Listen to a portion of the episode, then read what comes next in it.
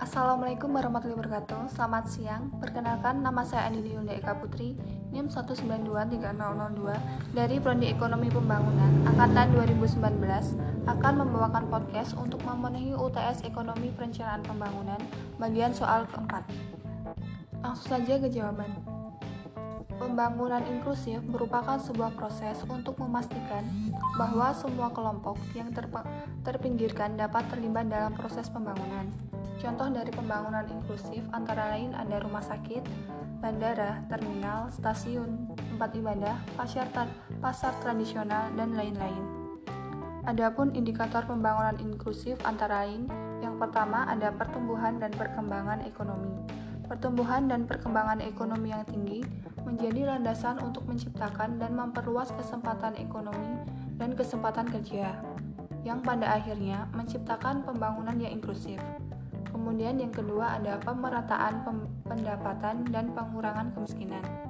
Karena pembangunan inklusif harus memastikan adanya pemerataan ekonomi ke seluruh lapisan masyarakat, ketimpangan dari sisi pendapatan, gender, maupun wilayah harus dihapuskan.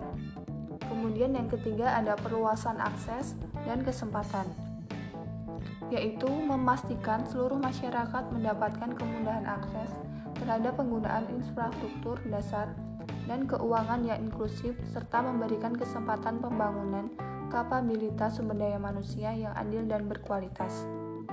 Pembangunan inklusif di Indonesia berjalan masih berkelok-kelok dikarenakan rendahnya partisipasi kelompok yang menjadi yang masih menjadi batu sandungan. Indonesia sendiri sebenarnya sudah memikirkan pembangunan inklusif di masa depan, yang tidak hanya berfokus pada pertumbuhan ekonomi saja, tetapi juga tiga krisis besar, yaitu ketimpangan sosial, kemiskinan, dan kerusakan lingkungan.